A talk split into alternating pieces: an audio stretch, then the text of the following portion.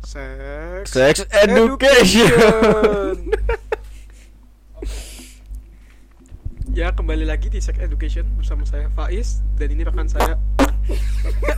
Habis. Udah ngomong ngomong asal aja. Ya. ya, ya, ya gimana lagi, Bro? Eh, sudah sudah. Pada siang pada siang yang cerah hadirin hadirin sidang minggu yang berbahagia. Pada pada hari minggu yang cerah ini saya bersama dengan Ahi Adisna akan membawakan sebuah topik yang sangat penting yakni yakni Pernikahan antara Jawa dengan Sunda. yeah, beri tepuk tangan dulu. Jadi gini, konteksnya adalah ini tadi malam, tadi malam terjadi sebuah obrolan yang sangat penting dan sangat mendalam antara eh yang terjadi antara saya dengan saudara Faiz. Jadi begini, tadi malam saya sedang asik-asik eh, scrolling snapgram orang-orang yang salah follow di Instagram sambil eh, tiduran di sofa sofa empuknya apartemen Fadil di lantai 4 di tengah-tengah aktivitas saya saya berhenti pada snapgramnya Mbak Zahra ini pu- putrinya Pak Ridwan Kamil. Saya langsung nyeletuk langsung melihat Faiz masih melek saya nyeletuk is kamu follow Instagramnya anaknya Pak Ridwan Kamil nggak yang cewek? Kan dia jawab enggak. Tapi aku tahu ini cantik kan? Gimana gimana? Ya cantik cok terus Faiz bilang gak usah anak ya istrinya Pak Ridwan Kamil yang meskipun udah berumur kan juga masih cakep kan? Terus si Faiz nanya gimana dis? Kamu akan eh, kamu ak- eh, considering menikahi cewek Sunda. For the context eh, prinsip saya adalah saya sebisa mungkin saya saya itu anti racial mixing. Saya itu anti pernikahan eh, yang mengawinkan eh, dua ras yang berbeda. Nah, di bawah itu ada saya memiliki prinsip yang kedua. Kalau bisa menikah dengan orang yang sebudaya yang seetnis dengan saya. Nah sa- sebenarnya pernikahan antara saya yang eh, suku Jawa asli dengan misal eh, ambil contoh orang Sunda itu itu merupakan bukanlah tindakan racial mixing. Karena karena gini karena gini etnis Sunda dengan etnis Jawa itu sama-sama satu ras yaitu eh, Melayu entah itu Prota atau Deutro yang penting kita itu masih masih we share the same race we share the same genetics sama. iya Lebih Nah. cerita ketika orang Asia menikah orang Kaukasia gitu. Iya, beda cerita kalau misal kamu orang Jawa terus nikah sama orang Hungaria itu. Ini itu itu racial mixing. Itu racial mixing. Kamu kamu tega mengotori dar kesucian darah Jawamu dengan darah bangsa lain. Itu itu menurut saya itu dosa besar karena kamu kamu kamu telah melanggar kot Tuhan itu menciptakan kalian secara berbeda-beda. Tujuan kita hidup itu untuk menjaga ke- keperbedaan itu. Perbedaan itu indah, diversity itu beautiful. Gitu Tuhan loh. menciptakan manusia bersuku-suku dan berbangsa-bangsa Mm-mm. untuk saling mengenal satu Sa- sama lain, iya. bukan untuk saling bercampur antara satu sama lain. Iya. Begitu ya? Hmm. racial mixing seperti yang Oswald Mosley katakan dalam pidatonya itu sama saja dengan mengkhianati kemanusiaan kit- kita kita lihat orang-orang leftist itu mendukung tindakan racial mixing dengan eh, alasan ya humanity humanity itu beautiful kemanusiaan itu harusnya menjadi satu diversity.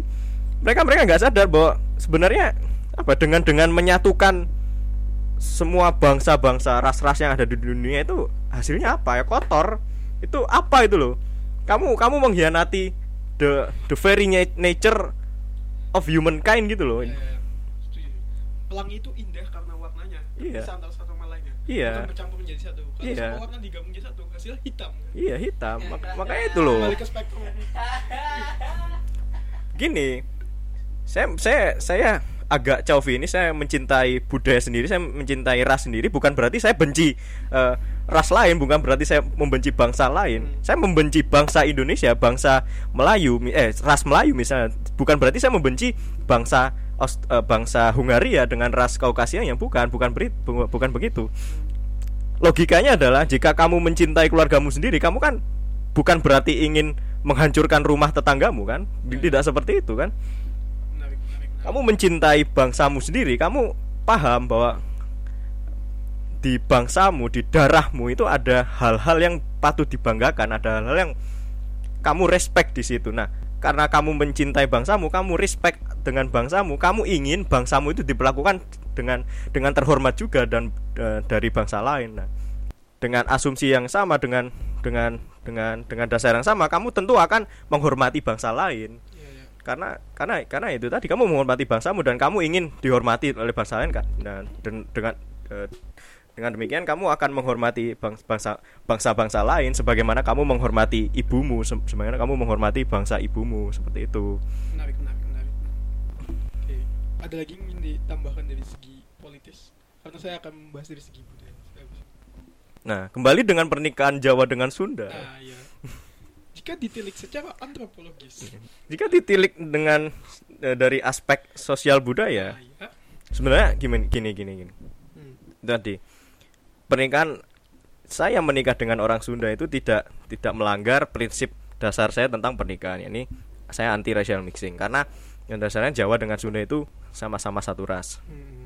sama-sama satu bangsa nah yang membuat saya eh, tidak ingin menikah dengan eh, masyarakat eh, cewek Sunda adalah perbedaan budaya perbedaan Hmm. perbedaan budaya yang menurut saya cukup cukup kelihatan antara masyarakat Jawa dengan Sunda. Saya tak jadi gini, gimana itu bagaimana anda bisa menjelaskan pernikahan perbedaan budaya Jawa dan Sunda jadi gini prinsipnya hmm. kita kan sudah dewasa. ya ya Kita kita semua sudah berumur. Jadi gini, prinsipnya pernikahan itu beda dengan pacaran. Pacaran, pacaran itu kamu milih dia untuk saling mencintai. Udah, berhubungan antara saat kamu dengan dia, udah.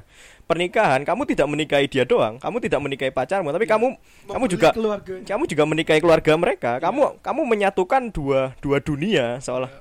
istilahnya dua entitas itu. yang berbeda Dua entitas yang berbeda. entitas ini adalah orang tuamu sendiri dan Mm-mm. orang tua dari ya Dan tidak pasangan. hanya orang tua saya dan orang tua dia, juga kerabat-kerabat saya, kakek nenek saya, adik-adik saya dan lain-lain dengan Iya. kakek nenek dia, kerabat dan dan sekaligus kerabat-kerabat dia. itu Nah, akan disatukan dalam suatu ikatan keluarga iya. Nah, dua entitas yang berbeda dengan realitas berbeda ini menurut saya mem- memiliki apa ya? kecenderungan yang gap memiliki ya memiliki gap itu tadi yang membuat Ya. sepertinya agak susah untuk Ya. berbaur antara satu antara satu dengan lain.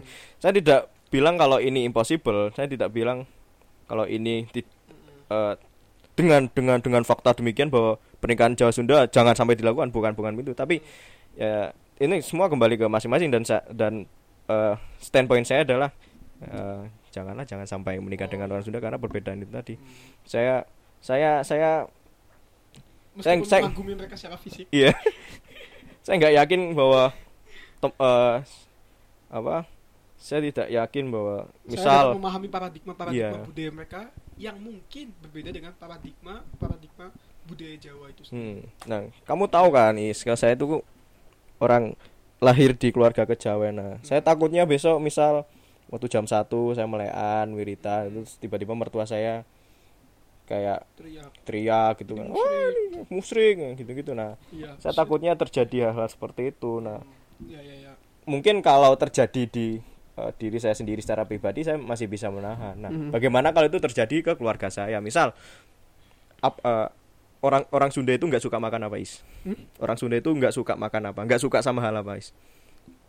Eh, bisa di- lebih dielaborasikan lagi Nggak sukanya seperti Apa hal yang hal yang diasosiasikan dengan orang Jawa tapi tidak dengan orang Sunda? Oh, paradigma yang saya paling rasakan, terutama karena saya tumbuh di Jakarta di mana kedua budaya ini saling beriringan satu sama lain adalah cara mereka minum teh.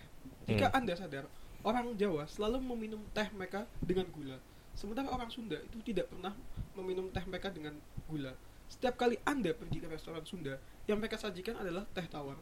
Mungkin itu paradigma yang. Ada lain nggak? Ada lain nggak? Hmm? Yang ada lain nggak? yang berat atau yang ringan-ringan? Itu kan yang ringan. Yang berat, yang yang berat. berat paradigma agama ini saya pakai pendekatan antropologis ya jadi begini di dalam prinsip budaya Jawa itu tidak dikenal adanya ikatan antara agama dengan kesukuan di mana orang Jawa itu bisa terlahir dengan agama apa pun ada orang Jawa Muslim ada orang Jawa Kristen ada orang Jawa Hindu. Katolik ada orang Jawa Hindu di budaya Sunda ya budaya Sunda kontemporer sayangnya eh, bukan sayangnya mungkin ini perbedaan aja itu sudah uh, bisa dikatakan ada kecenderungan ada kecenderungan ethno religion di mana etnis itu terikat kuat dengan agama. Dalam konteks ini agama yang terikat kuat terafiliasi kuat dengan budaya Sunda itu adalah agama Islam. Meskipun secara lintasan sejarah kita bisa menunjukkan bahwa orang Sunda itu telah mengalami perubahan agama berkali-kali. Mulai dari Buddhisme, Hinduisme di pedalaman-pedalaman masih ada yang menganut Sunda Wiwitan dan segala macam. Tapi mulai semenjak kolonialisme dan ke atas dan ke atasnya agama yang paling diasosiasi diasosiasikan dengan etnis Sunda itu adalah agama Islam. Sebenarnya hal ini bukan hanya dimiliki orang Sunda saja, beberapa suku-suku di Indonesia, terutama di Sumatera, juga memiliki paradigma yang sama. Suku Aceh, suku Minang, Lampung, Melayu, dan segala macam lainnya itu afiliasi terkuatnya itu adalah Islam. Jadi ada sebuah pepatah Minang yang mengatakan bahwa adat besan di syarat, syarat besan di kitabullah. Orang Jawa tidak memiliki prinsip seperti itu. Orang Jawa memiliki prinsip manunggaling kawula Gusti, ngowong ke wong. Berbeda. Moralitasnya orang Jawa itu tidak selalu didasarkan pada agama karena mereka telah memiliki pendahulu-pendahulu sebelumnya karena orang Jawa memiliki dinamika beragama yang bisa dikatakan berbeda mungkin dengan Hmm. suku-suku ini. Saya merasakan itu karena saya mengalaminya first hand sendiri. Saya ini ya mungkin Agisa akan membenci saya karena saya ini tidak murni Jawa. Saya ini saya berani mengatakan bahwa diri saya ini tiga perempat Jawa dan seperempat Sunda. Sunda itu dari nenek nenek dari nenek dari ibu saya dan saya berani katakan bahwa nenek dari ibu saya ini orangnya sangat-sangat religius sekali. Sedangkan sisi keluarga saya yang dari ibu saya Jawa Mataraman itu sangat-sangat abangan sekali. Saya boleh jujur bahwa kakek saya itu dulu pas muda itu nggak pernah sholat sama sekali. Tipikal ya sangat-sangat tipikal Jawa ya. Ya pandangan agamanya sangat ekletik ya. Mungkin ritual-ritual agamanya hanya dilakukan setahun sekali dalam bentuk Idul Fitri atau Idul Adha. Sisanya tidak begitu. Keluarga-keluarga besar saya pun sampai sekarang juga masih seperti itu. Paradigmanya sangat beda. Sementara di Sunda budaya agama, tradisi, ngaji segala macam itu kuat. Itu menurut saya cukup ke- apa ya gap budaya yang sangat terasa antara Jawa dan Sunda itu mungkin di situ. Bagaimana tanggapan Adisna? Ya. Semua hal yang kamu sebutkan barusan itu semua hal yang menjadi dasar kenapa saya nggak nggak mau menikahi orang Sunda. Terlalu religius. ya bukan terlalu sih ya. Kan per- perbedaan Iya. kamu menyebutkan perbedaan-perbedaan yang sangat mendasar tadi semuanya misal dari mi- cara minum teh sampai cara beragama nah Hmm. ya gitu saya terlahir di daerah yang eh, apa konteksnya di Banyuwangi di mana budaya Islam budaya, kejawen iya. Kuat. sinkretisme Iya, Islam dengan kebudayaan Ja- kejawennya sangat sangat sangat kencang nah saya takutnya apabila kerabat kerabatnya istri saya bertemu dengan kerabat kerabat saya yang di Banyuwangi yang sedang melakukan ritual apa misal jenang abangan nah kalau di Ah. Jawa kan sering itu apa melakukan tradisi jenang abangan misalnya Ya, ya. hampir di semua occasion misal Mm-mm. beli rumah jenang abang Ah. uh, men- menamai anak jenang abangan beli Ah. mobil jenang abangan itu dalam rangka selamatan dalam rangka mendoakan supaya hal baru itu uh, memil- memilih dia Keberkahan, mem- ya memiliki keberkahan selalu selalu diiringi dengan kebaikan. kebaikan selalu diiringi dengan nasib buruk eh nasib buruk nasib nasib yang baik seperti itu Iya, iya. nah saya nggak yakin bahwa kerabat kerabat istri saya yang Sunda ini akan men- mentolerir Iya, eh, iya. aksi-aksi eh, yang dilakukan oleh kerabat saya gini saya mes se- mungkin ini terdengar chauvinis ya tapi Iya. Saya, saya saya merasa orang-orang di sekitar saya itu lebih di orang-orang orang-orang di sekitar saya maksud maksud maksud di sekitar saya ada di Banyuwangi itu lebih lebih toleran daripada counterpart saya yang di Sunda itu loh. saya mungkin bisa menerima fakta bahwa oh kerabat saya sering sering ngaji, oh kerabat saya sering sholat bangun malam sholat malam. Tapi tapi mereka belum tentu bisa menerima fakta bahwa oh setiap setiap habis panen saudara saya melakukan petik laut, ah, melakukan iya, iya. ritual-ritual seperti itu gitu loh menghormati menghormati misal gunung kayak menghormati hutan seperti Iya, itu iya, iya.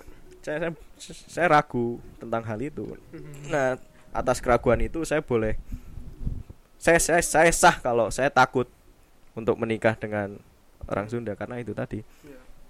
Tapi kembali kembali lagi kan pernikahan itu kan faktornya sangat-sangat kompleks kan. Yang pertama kita mengenal teori kinship di mana ini sebenarnya adalah sebuah mekanisme pertama pertahanan pertama oleh Homo sapiens di mana Homo sapiens ketika pertama kali berevolusi yang mereka kembangkan itu adalah sistem kedekatan.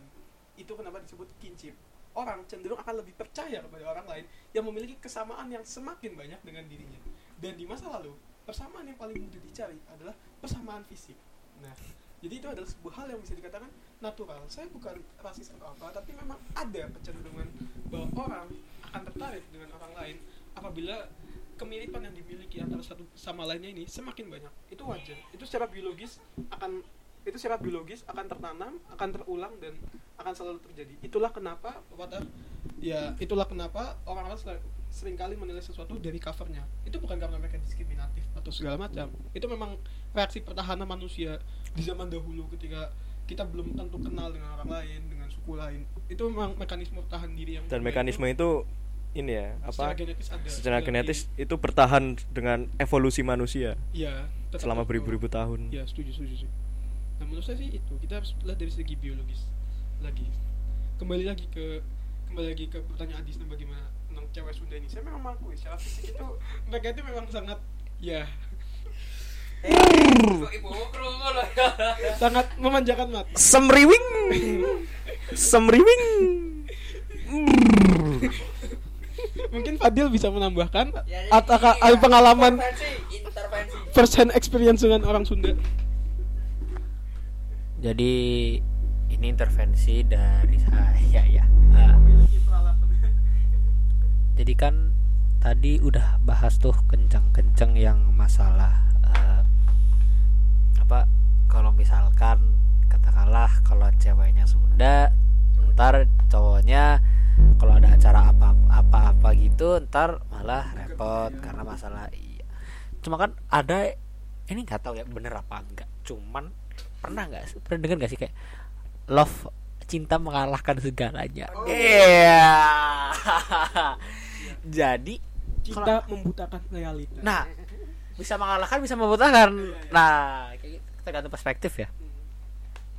Jadi kayak mau nggak peduli mau se apa mau sekultural apa pun kalau misalkan emang namanya udah suka dan rela berkorban untuk eh, pasangannya apa yang nggak bakal dilakukan Masalahnya gitu. gini, Dil. Seperti yang aku bilang tadi, misal aku tidur di misal eh, budaya Sunda itu patrilineal atau matrilineal ya? Eh, katakanlah eh, setelah menikah saya tinggal di eh, rumah istri saya de- bersamaan dengan mertua saya gitu kan. Terus tiba-tiba suatu malam mertua saya bangun melihat saya sedang menyalakan dupa sambil sambil berdoa gitu kan. Misal eh, saya dimarahi mertua saya, saya dikata-katain musyrik atau apa-apa, saya, saya mungkin bisa menerima gitu loh. Saya mungkin bisa sabar karena karena itu tadi saya saya cinta saya cinta eh, istri saya, tapi pernikahan itu kan tidak tidak hanya antara saya dengan istri saya calon istri saya. Pernikahan itu menikahkan eh, dua keluarga, menikah kamu juga menikahi mertuamu, kamu juga menikahi kerabat-kerabatnya dan istrimu juga menikahi mer- eh, i- orang tuamu, menikahi kakek nenekmu. Ini percampuran antara dua entitas yang bisa bisa jadi eh, memiliki perbedaan yang sangat mendasar gitu loh. Mungkin eh, bis- bisa saja istrimu akan men- mentolerir eh, perbedaan-perbedaan kultur yang terjadi di keluargamu dan itu ya memang karena eh, pepatah tadi cinta membutakan segalanya. Tapi belum tentu mertuamu begitu, belum tentu ayahmu begitu, belum tentu kerabatmu begitu gitu loh. Ma- ma- yang yang menjadi eh, concern saya selama ini. paham paham tapi menurutku kalau misalkan memang untuk eh, permasalahan yang bersifat eh, apa ya kepercayaan seperti ini faith itu sebenarnya sebelum menikah itu pun itu pasti sudah ada screening gitu loh. Nah, iya, jadi menurutku ton kalau misalkan ada eh, kejadian di mana ternyata kok setelah menikah eh, keluarga yang dari mempelai wanita sama mempelai suami kok ternyata ada cekcok masalah kepercayaan ini berarti menurutku eh, ke, ke- masalah. apa namanya screening dalam artian lain kedewasaan dalam kedua keluarga ini masih belum terbentuk gitu loh maksudnya kok bisa sudah menikah sudah udah akad nikah udah ijab kabul masih berantem. Iya, keluarganya masih setelah itu masih mempermasalahkan masalah kultur. Seharusnya kalau untuk masalah seperti ini, menurutku, api, eh, sebelum sebuah percikan itu menjadi kobaran api yang besar, itu harus dipadamkan dulu. Jadi kalau misalkan memang ternyata keluarganya itu ada perbedaan secara eh, kepercayaan atau ada bersifat hal-hal mendasar yang lain, meskipun kalian saling mencintai tapi atas nama keluarga atas nama for the greater good kalian harus merelakan itu karena kalau misalkan kalian mencoba untuk kita jalanin dulu aja itu justru akhirnya bakal lebih lebih apa ya destruktif lagi. gitu. Iya. Nah, Faiz saya, saya baru ingat eh, saya baru ingat eh, Faiz familiar nggak dengan ini? Masyarakat Jawa itu punya suku Jawa itu punya punya mekanisme penyaringan sendiri apabila ingin menikah. Apa itu? dan dan sebenarnya itu banyak. Ada kamu eh, ada yang dilihat dari primbon ada yang dilihat weton. weton ada yang dilihat dari eh, arah rumah Iya. bahkan sampai suku bibit Iya. bebet bobot kamu familiar kan dengan, Ya, dengan itu hari baik. Ya, hari Istilah- baik.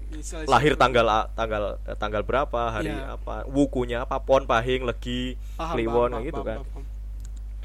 Eh, mungkin itu pembahasannya terlalu dalam tapi ini yang yang paling surface bibit bebet bobot. Dan saya dan saya rasa it- itu enggak enggak enggak terjadi di suku Jawa. Eh, saya rasa itu sangat sangat sangat dipercaya di eh, budaya Iya. Jawa. Tapi tapi saya rasa ini cukup cukup cukup cukup universal. Eh, Ya, dalam semua artian- orang tua pasti dalam artian setiap peradaban atau setiap ini Ya, setiap, setiap peradaban, pasti setiap akan mengembangkan tradisi yang sama. Ya kan? Dilihat bibitnya dilihat Iya. orang tuanya Seleksi, iya. seleksi. Ya kan? Dilihat dilihat bibit bebet bobot dilihat orang tuanya. Hmm.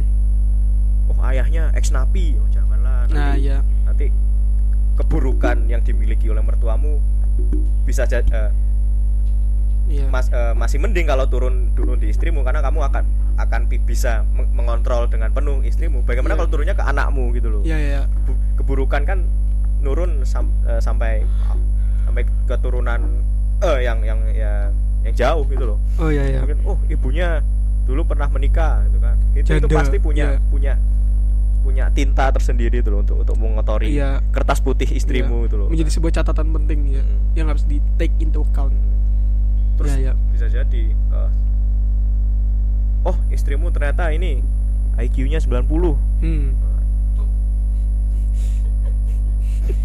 Orang-orang Haiti. Itu IQ 90 eh, kerjanya berarti dapur jemur kasur. Oke kurang aja Oh, oke balik lagi balik lagi. back to the topics. Ini.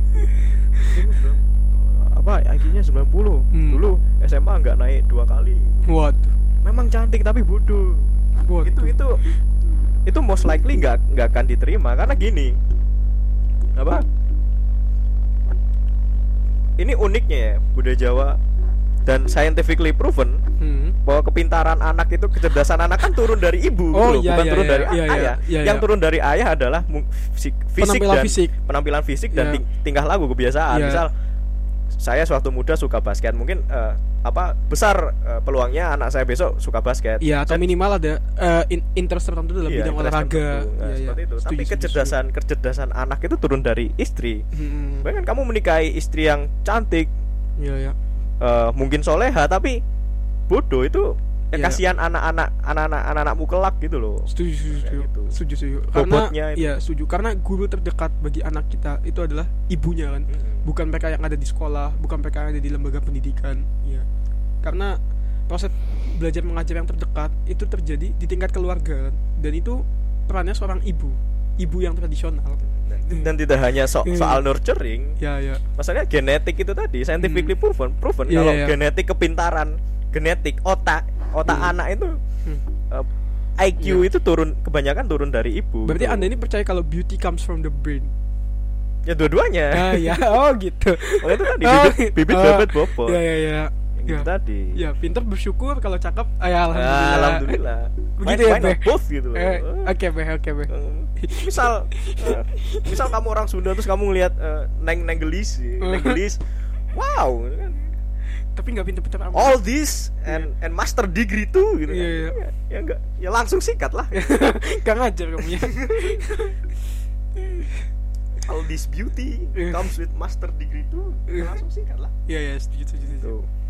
Itu itu itu yang masih paling surface belum lagi kita jatuh ke perihal primbon weton Hmm, and hari baik, iya. kan hari baik apa arah rumah misal apa rumahmu titik di tiga eh, titik rumahmu dengan titik rumah calon istrimu itu nanti dikasih garis lurus Nah, Mm-mm. misal mengarah ke selatan atau mengarah ke utara ah, saya saya lupa ini kalau pokoknya setiap arah itu melambangkan sesuatu Hmm. bisa bisa jadi baik bisa jadi buruk gitu Oke loh. oke. Itu kalau kalau lebih mendasar lagi eh, biasanya ini dilakukan oleh orang-orang pintar ya Hmm. orang-orang pintar dalam maksud saya orang-orang yang Iya. ya seperti Ngelmu. ngelmu du- Iya. dukun dukun dukun black magic or white magic Iya. itu akan menilai dari raut mukamu Hmm. Bagaimana itu? Bisa dielaborasikan mungkin? misal andai kata saya besok eh, ingin ingin mencari pasangan tapi belum belum nikah Mm-mm. saya misal datang ke mbah mbah mbah Jimbrong misalnya Eh. ambil kata mbah Jimbrong mbah saya pengen cari pacar Mm. nah ini kandidat kandidatnya tak saya saya deket deket sama misal ini ini cewek ada empat nih mbah foto-fotonya ini kira-kira yang cocok yang mana gitu kan Iya ya, habis itu.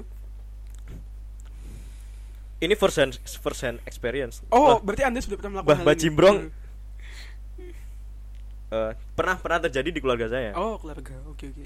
mbah Jimbrong akan melihat gambarnya terus oh leh jangan Hmm. kelihatan alisnya Hmm. alis cewek ini Ya, ya. itu itu menandakan dek, dek, dek, dek, dek. oh lihat jangan leh lihat hidungnya Hmm. oh jangan leh lihat bibirnya pasti Hmm. pasti gitu Menarik, menarik, menarik. eh first hand experience ini ini aku aku belak belakannya aku buka bukan jujur jujuran Oke oke oke. Wah, menarik nih. aku waktu itu pernah eh, nginep di rum- salah satu rumah gurunya ayahku guru Hmm, spiritualnya iya, iya. yang manggilnya Pak Po kan Mm-mm.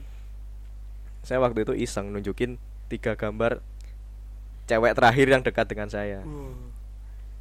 Ini saat masih SMA berarti. enggak bar- kemarin barusan Oh, semua dilihat gambarnya kan tahu ini cewek-ceweknya sukunya Jawa semua atau? Ja- Jawa semua oh, Jawa semua. Oke oke. dilihat sama Pak tek. dan dia menyebutkan semua apa sikap s- dia menyebutkan semua sikap yang memang mereka miliki gitu loh misal Oh. misal cewek A oh leh Hmm. Deki pinter Deki iso, is- iso membuat kamu lurus tapi sayangnya dia ini kasar Hmm. loh Pak Po kok ngerti loh tuh, lihat tuh dari hidungnya Oh. lihat tuh dari alisnya Ini lihat bukan tuh efek placebo, Div. Bukan. Oh, emang benar-benar terjadi. Mem- memang emang Oh. akurat semua gitu loh Oh, oke, oke. tak satunya iya. oh leh dia baik tapi dia pelit Hmm. Kok ngerti Pak Po gitu loh Wow. dan aku kaget aku langsung mendeli langsung loh Pak Po kok ngerti ya deh Hmm. semua ada kitabnya Pak Po emang bi- Apakah itu kitab Tatang Sutarma? enggak Oh, bukan. Pak Pak Pak Bagus. Pak Pak Bagus sering kali nge-site ini Eh. bukan Tatang Kitab itu loh Jayabaya Oh, Jayabaya. Tadinya Tatang Sutarma. Ini saya nama Sule kalau. dan, dan dia Tatang itu Sutarma. nyeb- nyebutin apa nyebutin semua sikap-sikap yang cuma saya ngerti tentang wanita eh, ini. siapa lagi Iya. di, di rumah Pak Po ya cuma Iya. cuma saya yang, yang paham tiga cewek itu kan dan Mhm. Pak Po nyebutkan semua sikap yang memang mereka miliki gitu loh Wow. dan semuanya akurat gitu Iya, loh. dan kamu kagum ini. Ya, Kenapa? kagum. dan ternyata orang Jawa itu memang ya, ya bisa menilai orang dari dari dari ini apa dari mukanya Hal-hal yang tidak terlihat. ya, Ya. dari hal yang tidak terlihat itu loh. dan dan akurat Menarik, menarik, menarik. Sangat advance. Oke. ya gitu mendalam lagi weton tak lihat tanggal lahirnya Hmm, Kan? Setuju, setuju, setuju. gitu-gitu hari baik hari buruk lebih dalam lagi misal misal misal lolos lolos ini misal sudah lolos semua lolos penjaringannya adalah eh, proses selanjutnya adalah memilih milih ini tanggal nikah tanggal nikah itu juga ada wetonnya Hmm. hari hari baiknya gimana mbak ini ini ini terus anak saya besok enaknya lahir tanggal berapa Kayak gitu, gitu. Waduh, waduh. It- itu ada itu melekat di budaya kejawen seperti itu Hmm. Ya belum tentu, ya ya. Mm-mm. Ini bisa menjadi gegar budaya ya. Mm-mm. Ya culture shock. Kalau untuk yang belum biasa kan dan Mm. yang belum biasa ini juga pasti banyak jumlahnya kan. Mm-mm. Iya ya. Setuju, setuju, setuju. Makanya itu saya, saya lebih Prefer ke prefer ke orang-orang Jawa. yang Nah, mengenal budaya saya ini. untung-untung kenal seperti yang saya sebutkan tadi, yang aspek-aspek kejawen itu tadi. Wah, iya. Jadi tidak ya jadi tidak kaget dan terbiasa ya. Ya karena Anda mungkin merasakan ya, mungkin orang-orang di Jakarta itu nggak tahu kalau hal-hal seperti itu exist, ada marketnya. Hmm. Beneran menjadi sebuah ya, menjadi sebuah kebiasaan turun temurun kan. Ya, mungkin kalau di Jakarta hanya didasarkan pada materialisme semata kan. Hmm. Iya iya iya. Padahal ada aspek-aspek lain yang harus ditinjau. Mungkin itu saja podcast kali ini obrolannya udah eh, IQ udah 200 ini setengah jam full of sexism, racism dan budaya Jawa. mungkin bisa dihentikan dulu sebelum KPI datang ke tempat kita dan menggerebek Ini adalah pod- podcast ya eksklusif pertama saya dengan Iya. Faiz. ya Saya Adisna Kusuma undur diri. Iya. Salam sex education. Yeay. salam ujaran kebencian